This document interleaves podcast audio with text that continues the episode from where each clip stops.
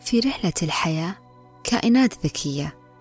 تتأمل تلاحظ وتستلهم الجمال والإبداع. في هذه الرحلة راح أكون معاكم أنا شموخ عبد الكريم في بودكاست كائن حي.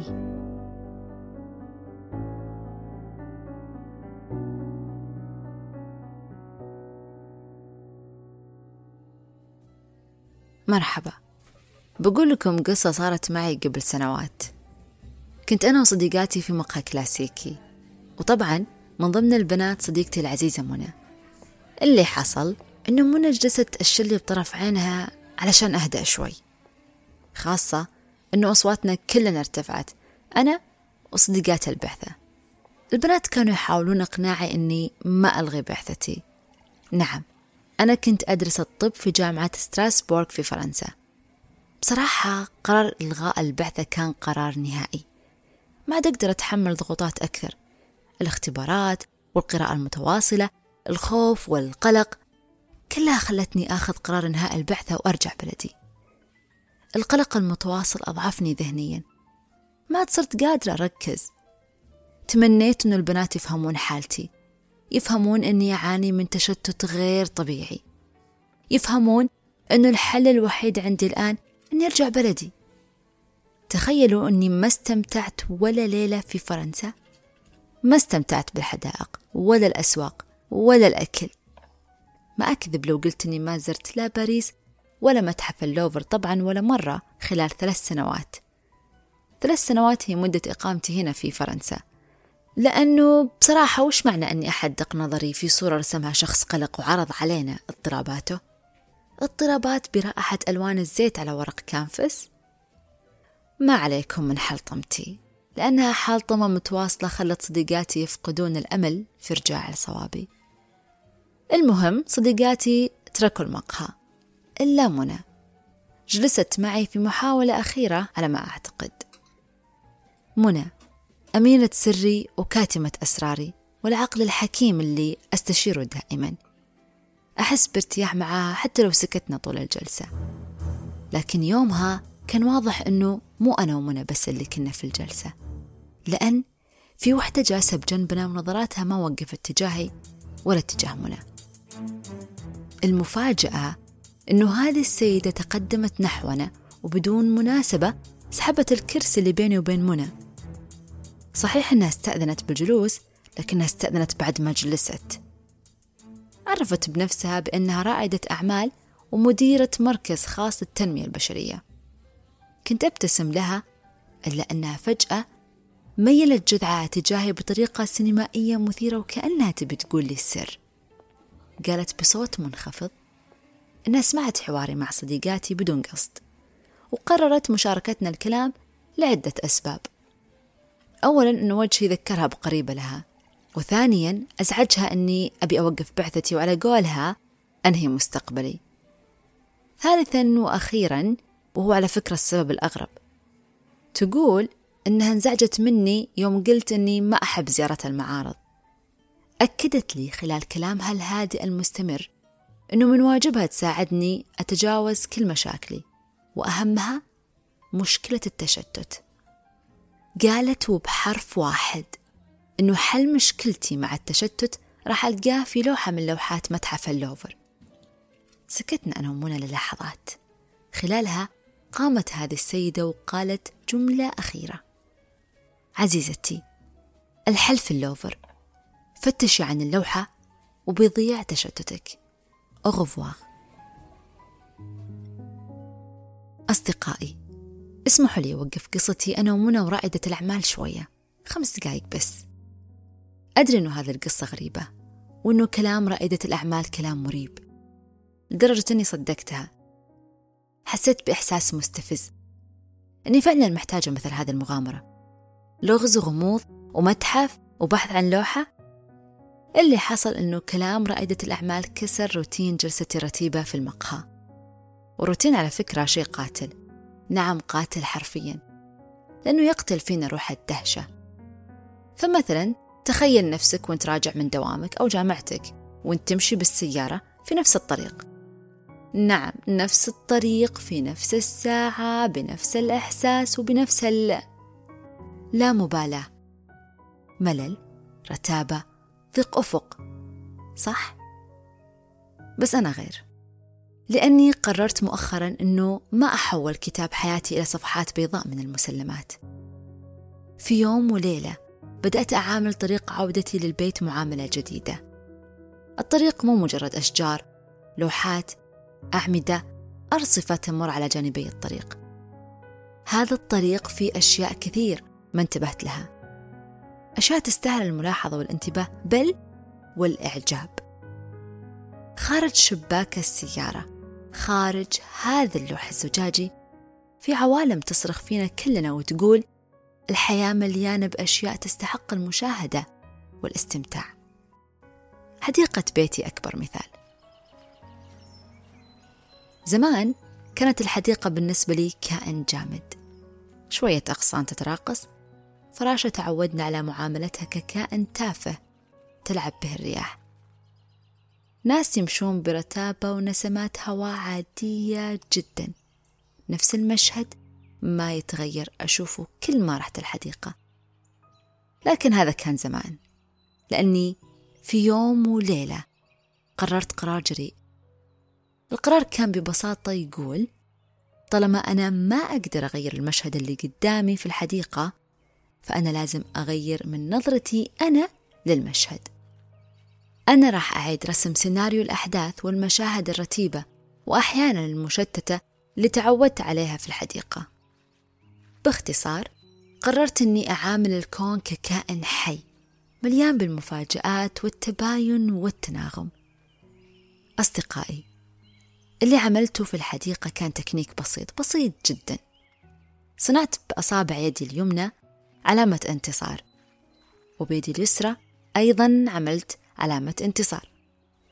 بعدين حطيت علامة الانتصار اليمنى على اليسرى بشكل متقاطع. يعني عملت حركة مصوري الفوتوغرافي المحترفين لما يعملون بصابعهم شكل مربع عشان يحطون الشيء اللي قدامهم داخل إطار. هذا التكنيك سمح لي أتأمل الحديقة من خلال هذا المربع. أركز نظري على جزء من الحديقة مكونات معينة منها. وهنا صرت أشوف العجب. صدقوني أشياء ما كنت أنتبه لها. تفاصيل ضاعت وسط زحام الأفكار والروتين. نعم أنا اكتشفت سر من أسرار الإلهام أسرار الجمال بأبسط طريقة.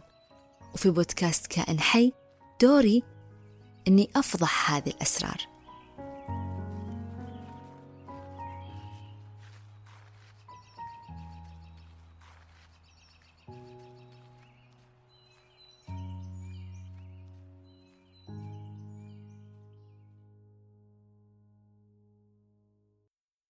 من خلال بودكاست كائن حي راح أنقل لكم تجارب كثيرة تعلمتها وجربتها. تجارب كلها خداع لنا لعقلنا الأوتوماتيكي اللي ما عاد ينتبه للجمال في الخارج. خدع نقدر نستخدمها عشان نتأمل نركز ونعيد انتباهنا لكل شيء حولنا. وقبل ما أفصل في هذه الخدع أنا متأكدة أنه في سؤال يدور في ذهنكم الآن. ليش كل هذا العناء؟ ليه أشحذ تركيزي وأعيد انتباهي للأشياء المملة الروتينية. بصراحة ما راح أقول إنها راح تخلي وقت رجوعنا من الدوام مسلي أكثر. نعم هذه نتائج أكيد راح تحصلون عليها مع التمارين لكن أنا عندي سبب أقوى. التمارين والخدع والتكنيكات اللي راح أقدمها لكم كل أسبوع بإذن الله بتغير حياتك للأفضل. تمارين إعادة الانتباه ساعدتني في كل المجالات في كل مجالات حياتي. ففي دراستي مثلا صرت أقدر أتحكم في عضلات تركيزي أكثر من زمان. مو أي شيء يشتتني ويصرف انتباهي. صرت كذلك أجمع بيانات كثيرة تتعلق بعملي بطريقة أسهل. يا جماعة تركيزي تحسن ككل وملاحظتي صارت قوية. صرت أشوف الشيء التقليدي بطريقة غير تقليدية وبكذا صرت أنتج أفكار غير تقليدية غير عن كل الناس حولي. بصراحة صرت أكتب بشكل خلاق وأشوف من زوايا جديدة وأربط بين تفاصيل دقيقة ما أتوقع أن أحد بيلاحظها إلا من رحم ربي. وأخيرا تمارين وخدع تحسين الانتباه والملاحظة خلتني ما عاد أؤمن بالمثل الإنجليزي اللي يقول الضفة الثانية من النهر أكثر اخضرارا وللي ما يعرف معنى هذا المثل أقول لكم معناه. الإنسان غالبا الشيء البعيد عنه والجديد عليه أكثر جاذبية وبريق. أنا الآن ضد هذا الكلام. بعد تمارين التركيز والملاحظة صارت قاعدتي الحياتية تقول إن استطعت النظر بطريقة جديدة إلى ضفتي فستصبح ضفتي أكثر اخضرارا من الضفة المقابلة. ويمكن لو كملت لكم قصتي مع منى بعد لقائنا الغريب مع رائدة الأعمال راح يوضح الشيء اللي أقصده. صحيح أني قلت لمنى أني ما أصدق هذه الخرافات اللي قالتها رائدة الأعمال وأنها مجرد تخاريف تطوير ذات. لأنه منطقيا إيش علاقة مشكلة التشتت اللي يعاني منها بلوحة في متحف اللوفر؟ إيش الرابط؟ للأسف أني كنت أتحلطم وأقول هذا الكلام وفي نفس الوقت قاعدة أجهز نفسي عشان أروح إلى قلب متحف اللوفر. نعم ما أدري ليه هذا التضارب في عقلي. أنا غير مقتنعة بكلامها بس بنفس الوقت متحمسة مغامرة غريبة زي كذا. عمري ما توقعت أني أخرج من دائرتي الضيقة أبدا. عمري ما توقعت أترك مدينتي ستراسبورغ وأزور باريس. ثلاث سنوات قضيتها في فرنسا. أدور في رحاب جامعتي بس. أزور أروقتها ومكتبتها وأحاول التركيز في دراستي فقط. لكن اللي حصل أني فعلا انطلقت لباريس وما لقيت نفسي إلا أنا ومنى نتكلم مع موظفة الاستقبال في فندق باريسي قريب من اللوفر. كنا على وشك نحجز غرفة ثم ننطلق للوفر. ما أقدر أسمي رحلتنا لباريس مجازفة إلا لو اعتبرنا أنه اللي حصل في الفندق الباريسي شبه مغامرة. لأننا بعد اختيار الغرفة المناسبة طلبت الموظفة جوازات سفرنا وبطاقة ائتمان. أخرجت منى بطاقتها وجوازها في ثواني. وأنا نفس الشيء. دخلت يدي في الشنطة عشان أطلع الجواز. لكن المفاجأة إنه صابعي ما هي راضية تتحسس ملمس الجواز في الشنطة. بدأ ضخ الدم ونبضاتي ترتفعان بسرعة. وهذه عادتي لما أفقد أي شيء. لكن هذه المرة اللي ضايع مو أي شيء. هذا جواز سفر. كم حذرني أبوي من ضياع الجواز. سمعت صوته فجأة وهو يطلق نبرات مخيفة بخصوص الجواز وضياعه. لاحظت موظفة الاستقبال توتري. فرجعت تسألني photo passport زاد توتري. وبديت أرتعش. وألوان وجهي اختفت. تدخلت منى بسرعة البرق. وقالت لا تخافين راح نلقاه أكيد. وين بيروح يعني؟ ابتعدت شوي عن الاستقبال وحطيت شنطتي فوق كنب قريبة وبدأت أنهش في أمعاء الشنطة وكأني أجري لها عملية قيصرية لأخرج مولودها الأخضر. منى ولأنها لاحظت تشنج حركاتي وعنفي مع الشنطة خلصت كلامها بسرعة مع موظفة الاستقبال وأقنعتها أنها تسجل أسماءنا عندها على أساس أننا بنرجع لها بالجوازات بعد ثلاث ساعات من الآن. على مضض وافقت الموظفة. مسكت منى بيدي وخرجنا من الفندق. ما أدري لوين صراحة كانت ماخذتني يمكن عشان ندور على الجواز الضايع. خرجت وقلبي على وشك يخرج من مكانه. كنت في حالة انهيار. فوق انهيار الداخلي الأصلي. نعم يا أصدقائي انهيار. هذه هي الكلمة اللي توصف الحالة اللي كنت أعيشها أيام دراستي. ترقب خوف تشتت في كل شبر. لكن في تقنية تعلمتها خففت عني هذا الوضع المزري. تقنية قرأتها في مقال بعنوان ماذا تفعل في المتحف تخيلوا أنه فعلا الحل كان في تكنيك استخدمته في المتحف. هذا التكنيك ساعدني كثير في الاستمتاع أولا بالمعرض وثانيا أني أتدرب عمليا على تحسين انتباهي. كان هذا أول كورس علاجي لحالة التشتت وعدم التركيز. أنا في العادة ما أرتاح في المعارض. وكان أسوأ شيء على قلبي أنه يصادفني مرشد سياحي يشرح لي أهمية هذه القطعة وتلك. بصراحة مو كل مرشد سياحي يجذبني بطريقته. لذلك قررت أني أصنع مجموعة ألعاب الخاصة. ألعاب أستخدمها كل ما رحت لمعرض فني أو غير فني حتى. أي مكان تعرض فيه بضاعة أو تحفة سيارة أو ملابس. لقيت نفسي أقدر أستخدم هذه التكنيكات أو الألعاب عشان أحسن من مهارة الملاحظة والانتباه. وأعتقد راح تنفعكم أنتوا بعد. اللعبة الأولى اللي ألعبها في المعارض هي إني أدرس كل شيء في المعرض كل شيء ما عدا الفن. تخيلوا؟ إنسانة بالغة عاقلة تروح معرض وتهتم بكل شيء في المعرض إلا بقيمة الأعمال الفنية المعروضة. بعضكم راح يقول إنها جريمة في حق الفن. موافقة. لكن أنا راح أسميها تمرين خاص أحاول من خلاله تمرين عضلات بصري وبصيرتي للتغلب على التشتت. المعرض مجهز بطريقة تغريك وتغري انتباهك عشان تشوف مجموعة لوحات فنية معينة وتعرض لك قيمتها المعنوية. لكن أنا وبإرادتي الخالصة أعاند وأوجه تركيزي بعيد عن هذا الإغراء. أنا قررت أني ما أستسلم للإغراءات وأني ما أسلك سلوك الناس العادية وأنجرف مع تعليمات المعرض. ما راح أطلع كاميرتي وألتقط صورة للموناليزا أو آخذ سيلفي مع تمثال توت عنخ آمون. لا. أنا قررت أركز في شيء آخر. في شيء آخر مو مخصص للعرض. أنا قررت أبحث عن العيوب. نعم العيوب. في المعرض كل شيء مرتب لكن كأي مكان في الدنيا أكيد في عيوب. والعيوب طبعا ما هي شيء مخصص للعرض في المعارض لكن أنا ولأني راح أدرب نفسي على الملاحظة وعشان أبغى أطور حاسة سابعة تكتشف غير الواضح وغير التقليدي قررت أركز على العيوب. قررت مثلا أركز على مستوى ارتفاع اللوحات. قررت أركز على التكييف هل هو بارد زيادة ولا حار زيادة قررت وقررت وقررت. كل قراراتي منصبة على العيب. أي عيب يصادفني؟ وقبل ما تعتقد أن سلوكي هذا غريب راح أوصلك بصاحبة الفكرة الغريبة نينا كاتشودريان. نينا كاتشودريان فنانة أمريكية ومدرسة للفن. إنسانة خلاقة ومختلفة عن كثير من زملائها وزميلاتها في المهنة. تشوف الأشياء بطريقة مختلفة.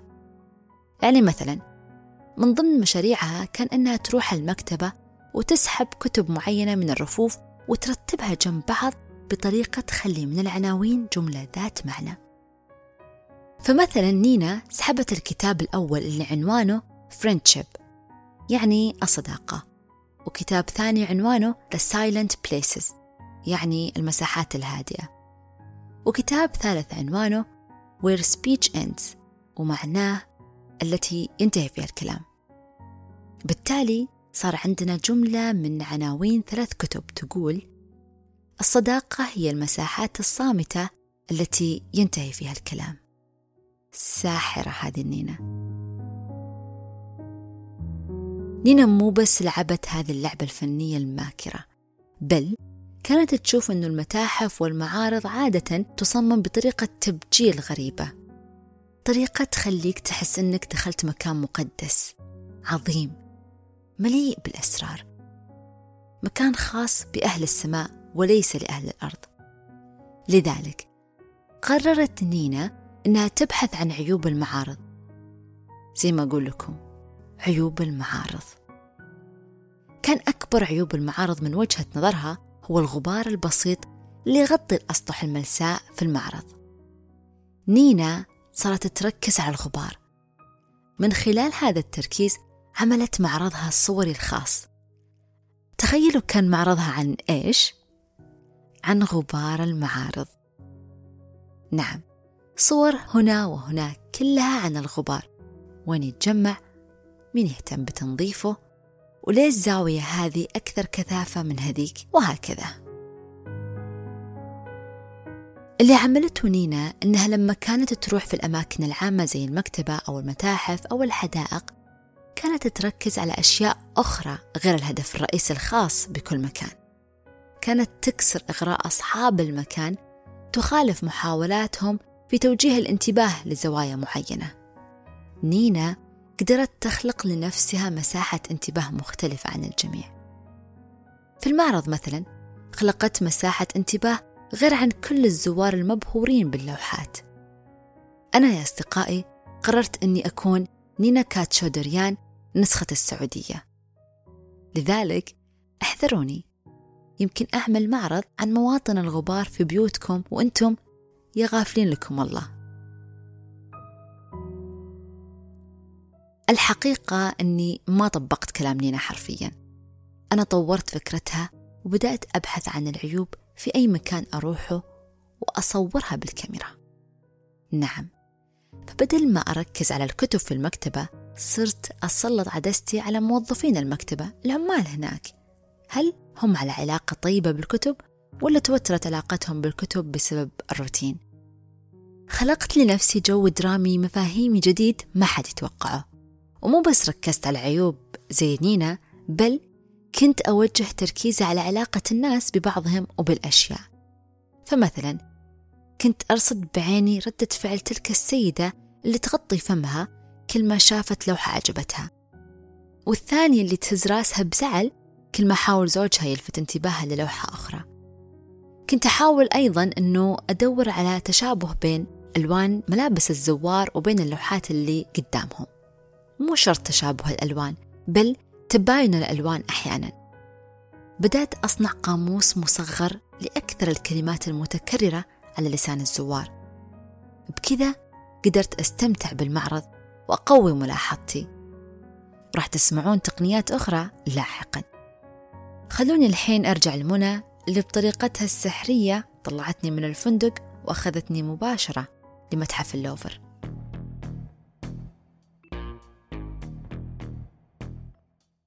أنا ذا. ذراع بيد منى في متحف اللوفر. كان إحساسي وكأني في قاع مسبح مليان بالمياه.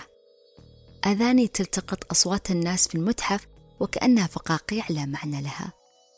جسدي مليان تفاعلات كيميائية صوتها عالي جدا لدرجة ما عدت أسمع شيء في المكان إلا انفجارات هرمون القلق بداخلي. منى وبكل إصرار تسحبني من يدي وتحاول تلفت انتباهي لبعض القطع الفنية. لكن أنا غير موجودة ذهنيا. طلعت منى لعيني وقالت أرجوكي خلينا ننسى الجواز ثواني. أوعدك بنرجع ندور عليه بعدين. وأوعدك راح نلقاه أما في سكنك أو في المطار. ما راح يضيع. خلينا نركز في اللي قدامنا الآن حتى لو ما كنت تحبين المعرض. حتى لو كان بالك مشغول. خلينا نركز على شيء. ركزي في تباين الألوان بين اللوحات حطي إطار ذهني الآن وهذا الإطار يحاوط كل لوحة ويخليك تركزين على تباين الألوان بصراحة كان في صوت داخلي يشتمنا رغم حبي لها لكن كيف تتصور أني أقدر أشتت قلقي على الجواز؟ لا وببساطة تبغاني أنسى الجواز الأخضر العزيز على قلبي وأركز في تباين الألوان؟ الأخضر الآن هو المهم بالنسبة لي بعدين ما أدري وش سالفة الإطار اللي تتكلم عنه. كأنها مدربة تطوير الذات. كلامها صار يشبه كلام رائدة الأعمال اللي جلست معنا في المقهى. كانت جلسة شؤم. نعم كنت أتحلطم ومنى يزيد إصرارها أني أركز على تباين الألوان. بدأت تلفت نظري تباين الألوان في بعض اللوحات التخففية أو على قولها لوحات من النوع ال minimal arts وهي لوحات تستخدم لونين على الأكثر. وبعد كل هذا وبكل غرابة بدأت منى تلفت انتباهي لتباين ألوان السقف والأرضيات. وبعد تباين ورق الرسم في بعض اللوحات. لقيت نفسي لا إراديا أقرب أكثر من بعض اللوحات. ألمسها بنظراتي المحدقة. فمثلا هذه لوحة ورقها ناعم من نوع الكانتون والثانية ورقها من نوع البريستل والثالثة ورق الباستل. بدأت أنا واللوحات نتجاذب الصراع كأننا مغناطيس وحديد. كنت أقرب وأبعد عن اللوحات عشان أنتبه للتباينات والتفاصيل. خلال اندماجي اللاواعي مع اللوحات كنت ألاحظ ابتسامة ماكرة على شفتي منى من حقدي على منى وقتها سميتها ابتسامة منى ليزا. ما كانت ابتسامة إنسانة مركزة فعلا على التباين في اللوحات. لا لا لا. كانت ابتسامة شيطان عنده خطة ومستمتع بتنفيذها. منى قاعدة تطالع فيني أنا تقارن بين مزاج القلق اللي تحول فجأة إلى مزاج منتعش مركز في مهمة محددة حاليا. بدوري أنا ابتسمت لها ابتسامة باردة وإحنا نتفرج على لوحة حداد جميل. اللوحة اللي رسمها الإيطالي ليوناردو دافنشي. قالت منى لاحظت قطعة الإكسسوار الجميلة على جبين الفتاة في اللوحة؟ جاوبت عليها ونظري لا يزال مثبت على قطعة الخرز البنية على جبين الفتاة وقلت نعم لاحظتها ولاحظت ابتسامتك يا منى. أعتقد أنك مخبية شيء عني. زادت اتساع ابتسامة منى وقالت توقعت أنه بعد ما تطلعين من mood القلق والتوتر وبعد ما تدخلين في mood تمارين التركيز وإبداء الانتباه أنك راح تكتشفين تفاصيل دقيقة كثير. تفاصيل زي ابتسامتي اللي حاولت أخفيها. خليني أعترف لك.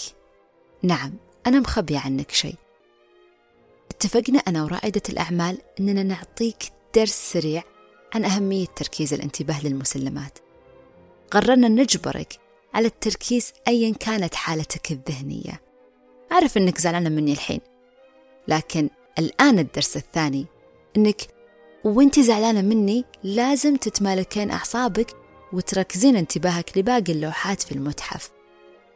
راح نرجع بعد ساعة للفندق وراح تلاقين الجواز في الحفظ والصون في الجناح اللي حجزناه. وهناك راح نبدأ اللوم وبعدها النقاش الهادئ حول بعثتك الدراسية. يا صديقتي.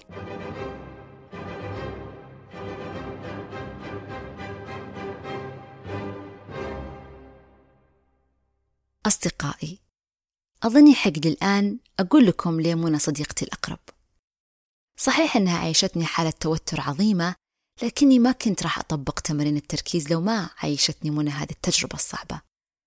إذا كان سقراط يقول الحياة التي لم تجرب هي حياة غير جديرة بالعيش فمنى علمتني أنه حياة بدون معرفة التحكم في الذات خلال حالة التوتر هي حياة هشة خالية من التركيز والملاحظة. نعم كنت في شتات فكري متواصل حالة دائمة معي. أفقد معها كل تركيزي وانتباهي. وطبعا مستحيل أستمتع في أي مكان أروحه. وبالتأكيد أولها المعارض والمتاحف. إلا أني ومثل ما قلت لكم سابقا قدرت أخلق ألعاب تخلي وجودي في المتحف أو المكتبة أو معارض الأثاث حتى أكثر متعة بل حتى في معارض الموكيت والباركيه. ألعب فيها ألعاب تركيز وملاحظة. واحدة من هذه الألعاب مقتبسة من نصيحة كاتب في العصر الفكتوري تخيلوا العصر الفكتوري اللي ظهرت فيه الكاميرات البدائية الأولى. تخيلوا أنه من ذاك الوقت وهذا الرجل يتحلطم ويتشكى من اهتمام الناس بالتصوير أكثر من اهتمامهم بالرسم. هذا الكاتب أبدى قلقه من هوس الناس بالتصوير. يقول الكاتب جون روسكين أنه قوة الملاحظة والتركيز عند الشخص اللي يرسم هي أضعاف أضعاف أضعاف الشخص اللي ما يرسم. بغض النظر عن صحة كلام روسكين لكن فعلا من يوم بدأت أمسك قلم الرصاص وأخط بعض الخطوط اللي توصف مشهد قدامي لقيت نفسي ألتفت أكثر للتفاصيل. بدأت أقارن مرغمة بين كرسي وآخر. بدأت ألاحظ كل شيء ما كنت ألاحظه زمان. باختصار أنا بدأت أرسم أكثر وبدأت أتذكر وألاحظ أكثر. ودي أوريكم صورة الموناليزا اللي رسمتها وأتمنى ما تزعل مني الموناليزا في قبرها لأني رسمتها بهذا الشكل. كانت صورتي بشعة. في نسخة الموناليزا اللي رسمتها كان شعرها مزيت. بصراحة كان غرقان في الزيت. ابتسامتها مشمئزة خدودها انتفخت وجبينها عرض. اللي حصل وأنا أرسم الموناليزا بصراحة كان تشويه للذوق العام. ويمكن تأنيب ضميري خلاني أحس إنها تتابعني بنظراتها وين ما رحت. لكن في المقابل تمرين الرسم خلاني ألاحظ في الموناليزا أشياء ما شفتها طول حياتي. مثلا إن حواجبها خفيفة جدا بالكاد تنشاف وهذه معايير جمال مختلفة عن معايير هذا الجيل. السيدة الموناليزا كانت على رأسها قطعة قماش خفيفة جدا أشبه بطرحة حريرية على رأسها. لاحظتوا هالشيء؟ ما أعتقد. تدرون ليش؟ لأنكم ما رسمتوها. طيب لاحظتوا أنه أكمامها كانت واسعة نوعا ما؟ أكيد لا. وعشان لا أوصيكم يا أصدقائي بالرسم. الرسم راح يؤمر عقلك أنه يركز في التفاصيل. راح يصنع لك إطار تشتغل حاستك السادسة من خلاله. راح يحط لك مهمة هي الأهم مهمة البحث عن التفاصيل مهمة التركيز على ما لا تراه العين أو تعتبره غير مهم بشرط احتفظوا بكراسة الرسم لأنفسكم. مو كل الناس راح تقدر الفن اللي تشخبطونه. أصدقائي بعد قصتي مع منى وعن ألعاب اللي تساعدني في الرؤية والملاحظة أحب أختم بكلمتين. صحيح أن الرؤية هي عملية باردة أوتوماتيكية لكن الملاحظة البصرية هي جهد مقصود. هدفه البحث عن تفاصيل قد نغفل عنها اجبر نفسك على الملاحظة البصرية من خلال شوية ألعاب. تابع الناس ابحث عن العيوب في المعارض والمكتبات والحدائق. ارسم. الرسم يسترعي الانتباه. عيش حياتك بطريقة مختلفة وشغل حاستك السابعة. لأنك كائن حي. يستحق أنه يعيش كل يوم مغامرة جديدة. ويرى ما لا يراه الكائن العادي. في حفظ الله.